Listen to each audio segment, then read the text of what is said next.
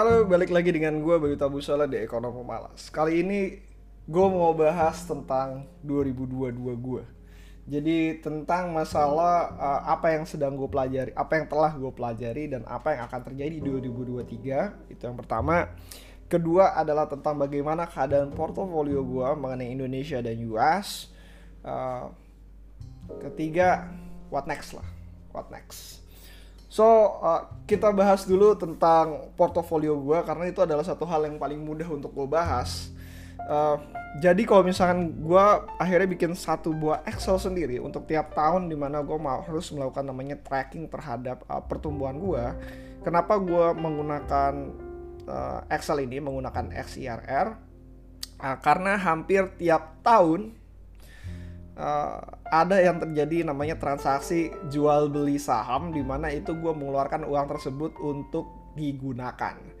Uh, ya, uh, gue nggak punya privilege untuk uh, apa ya menggunakan hanya dari uang gaji gue sendiri, tapi gue harus menggunakan uang dari pasar modal untuk membiayai satu dan lain hal. Jadi itu yang terjadi dan sehingga gue harus melakukan tracking terhadap apa yang dikeluarkan di pasar modal tersebut sehingga XRR membantu gue untuk melihat mentrack atau mentrack uh, portofolio gue terhadap uh, pengeluaran ataupun uh, top up terhadap uh, pasar modal di, di di pasar modal tersebut.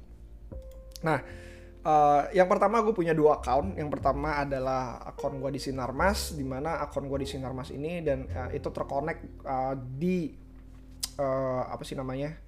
Stockpick uh, kalian bisa lihat akun itu tuh sendiri. Itu adalah akun yang uh, hampir sama menurut gua dengan apa yang ditransaksikan oleh para investor gua sendiri. Jadi itu adalah akun yang sama. Akun kedua itu adalah di iPod di mana ikon uh, akun akun gua di iPod ini sebenarnya namanya Total Conviction sehingga gua hanya pegang 1 sampai 2 saham aja. Uh, berbeda di portofolio gue yang utama di mana gue bisa pegang sampai 3 ataupun 4 uh, port portofolio total convictions gue bener-bener uh, hanya satu saham yang menurut gue yang benar-benar bagus sehingga gue pegang di saham tersebut. Ataupun kalau misalkan emang ada sesuatu saham yang benar-benar beresiko dan gue ngerasa bahwa dari resiko tersebut gue bisa tanggung tapi investor gue enggak gue akan melakukan investasi di pasar di di di, di portofolio iPod tersebut Kenapa gue nggak connect ke Stockpick? Karena gue nggak bisa bertanggung jawab terhadap isi dari portofolio tersebut dan itulah yang terjadi sekarang. Nah kalau misalkan ngelihat dari portofolio gue, kalau misalkan kalian ngeliat di Stockpick, mungkin kalian bisa ngelihat portofolio return gue kurang lebih sekitar 20% something lah. Mungkin berkurang, mungkin di belasan, 17-18%. Gue sendiri nggak terlalu banyak membuka. Tapi kalau misalkan ngelihat dari return awal tahun sehingga uh, dan pengeluaran dari uh, portofolio gue, return gue sebenarnya nggak buruk-buruk amat sekitar 50,7% kalau misalnya gue menggunakan metode perhitungan XRR. Sedangkan portofolio gue di iPod jauh lebih kecil dibandingkan portofolio utama gue yaitu hanya 41% saja. Kenapa? Uh, ya badang, ba, ba, uh, di tahun ini kurang lebih ada 14 kali penarikan withdrawal dari uh, saham gua yang di Sinarmas uh, karena ada pengeluaran yang tiba-tiba besar sekali dan itu merupakan force major dari apa yang harus gua lakukan. Uh, sedangkan di iPod, uh, iPod ada transaksi kurang lebih uh, berapa nih? transaksi itu 24 transaksi dengan total uh, kalau misalkan di net net mungkin nyaris nol. Jadi uh, keluar masuk keluar masuk keluar masuk aja gitu uh, uangnya tersebut. Uh, keluar masuk keluar masuk dan uh, nyaris nol gitu.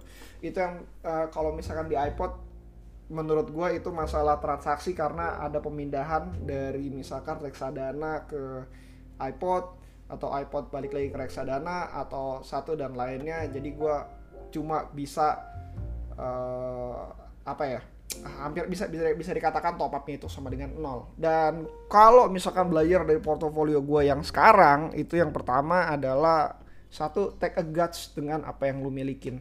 Jadi kalau misalkan lu punya convictions uh, lu punya sesuatu yang benar-benar lu yakin banget akan mendapatkan keuntungan yang cukup tinggi uh, ataupun resikonya cukup rendah uh, lu harus berinvestasi jauh lebih banyak di sana dan itu yang gue pelajarin dari uh, dari hal ini gitu gue ngerasa bahwa uh, dengan dengan dengan adanya Total Convictions membuat gue jauh lebih mendalami apa yang gue investasikan karena gue bener-bener pengen menempatkan uang gue di tempat yang bener-bener resikonya rendah dengan return terbaik dengan resiko yang paling uh, rendah tadi gitu. Di semua resiko yang paling rendah tadi.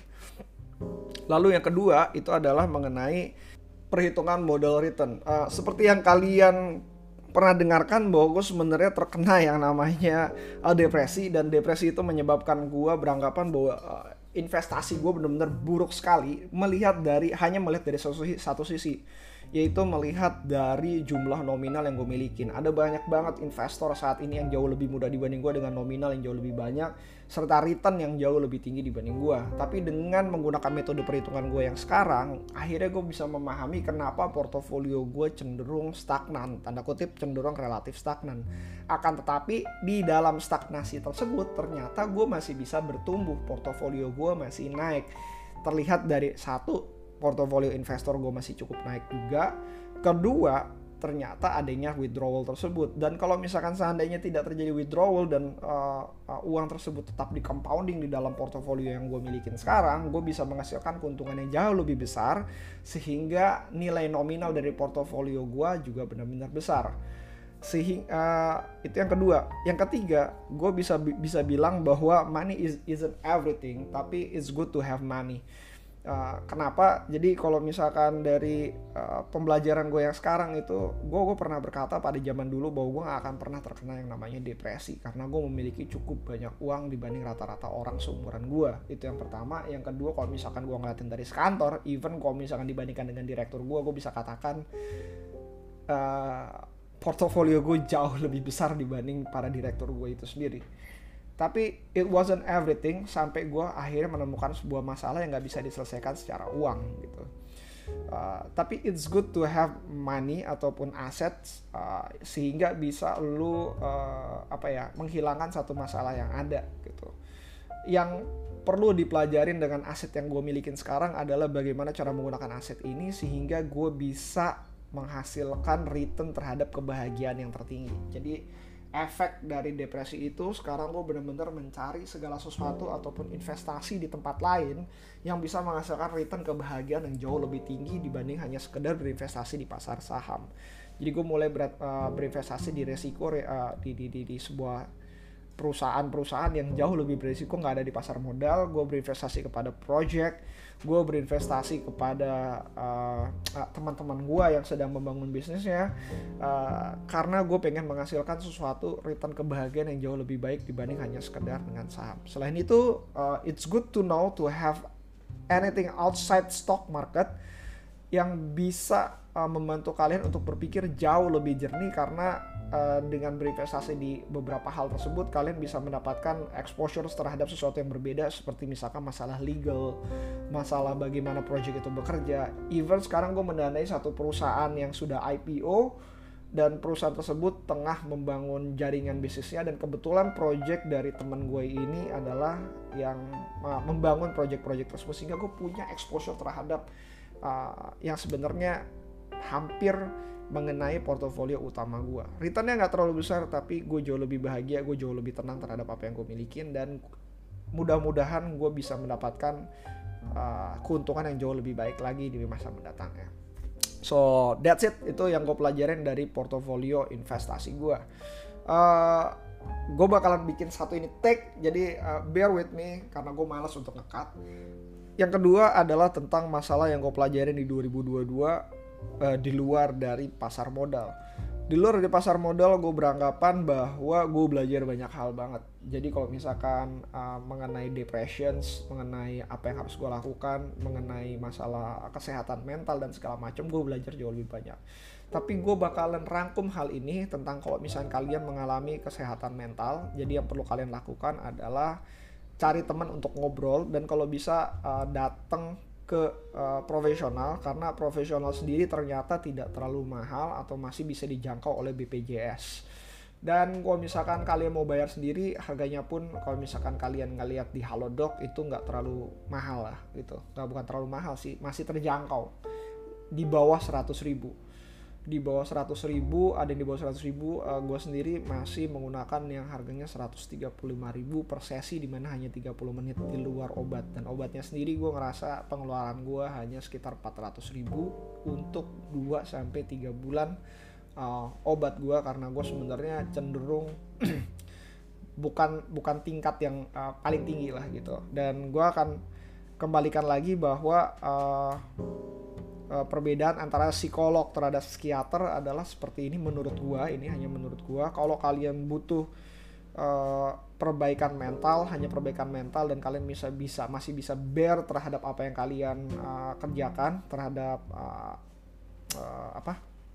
Terhadap masalah yang kalian hadapi datang aja ke psikolog tapi kalau kalian butuh uh, kecepatan tinggi kalian udah pengen bunuh diri dan segala macam segera datang psikiater. Kalian akan diberikan obat sehingga bisa membantu kalian untuk berpikir jernih kembali. Dan kembali lagi selain itu dan unfortunately gua baru aja melakukan perubahan uh, habit yang benar-benar membantu gua. Mungkin uh, di awal Desember. Jadi benar-benar di akhir tahun ini yaitu dengan cara berlari, dengan cara baca buku audiobook yang benar-benar positif dengan mengganti semua uh, aktivitas gua bagaimana cara gua approach terhadap dunia dan mengganti pola pikir gua sendiri sehingga gua mudah-mudahan ke depannya tidak akan jatuh lagi ke dalam jurang depresi ataupun anxiety dan itu yang gue pelajarin bahwa uh, apa pun yang kalian masukkan ke dalam pikiran kalian uh, itu akan paid off di masa mendatang secara long run.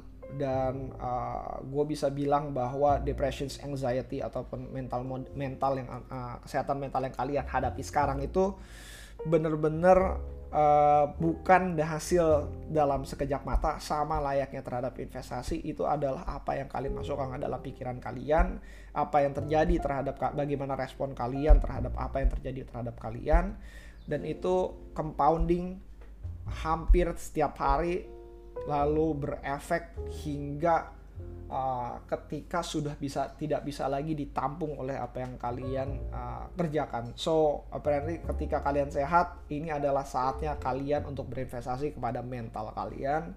Bagaimana cara memasukkan hal-hal yang positif ke dalam pikiran kalian sehingga mudah-mudahan tidak terjadi lagi di ke depannya layaknya apa pun yang terbaik dari investasi kerjakan sebelum terjadi. Bukan kalau sudah terjadi ya harus dikerjain. Ini adalah usaha preventif untuk kesehatan kalian. Dan terakhir dari sesi podcast ini adalah mengenai uh, what next di 2023 di 2023 gue sebenarnya punya tiga hal besar yang sebenarnya gue mesti kerjakan.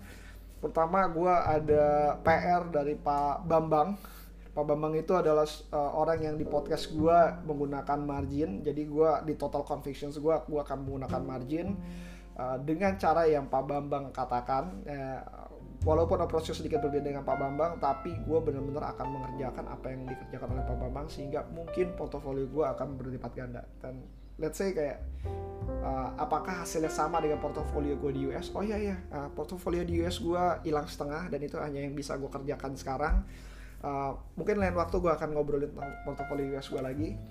Uh, uh, jadi kalau misalkan uh, uh, kita akan lihat apakah hasilnya sama dengan uh, portofolio US gue hilang 50% tersebut atau mungkin lebih baik lagi. Uh, itu yang pertama gue lakuin. Yang kedua adalah gue mau coba set hustle again.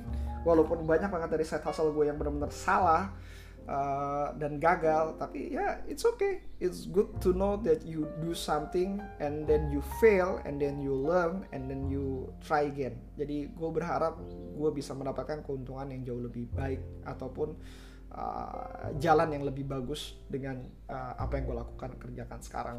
Jadi gue ada satu set asal Uh, yang ketiga adalah gue akan coba untuk uh, fokus, uh, tetap aja gue ekonom pemalas, gue akan fokus ada di bukan fokus sih akan gue taruh beberapa podcast gue di YouTube dan mungkin dengan approach yang berbeda dan mungkin juga akan ada uh, beberapa video yang ada di YouTube dan mungkin gak akan ada di di di, di podcast gue. Nah, let's see, let's see, let's see.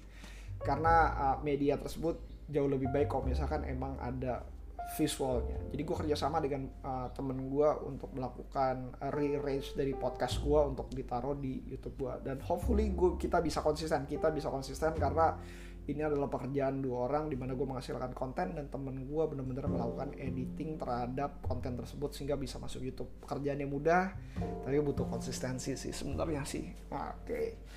so uh, that's it. Let me know tentang 2022 kalian dan apa yang akan kalian kerjakan di 2023. Uh, kita bisa bahas hal tersebut di uh, Instagram gua DM aja di @bayutabusala atau kalau misalkan kalian mau bahas via email juga bisa di bayutabusala@gmail.com. See you again next time.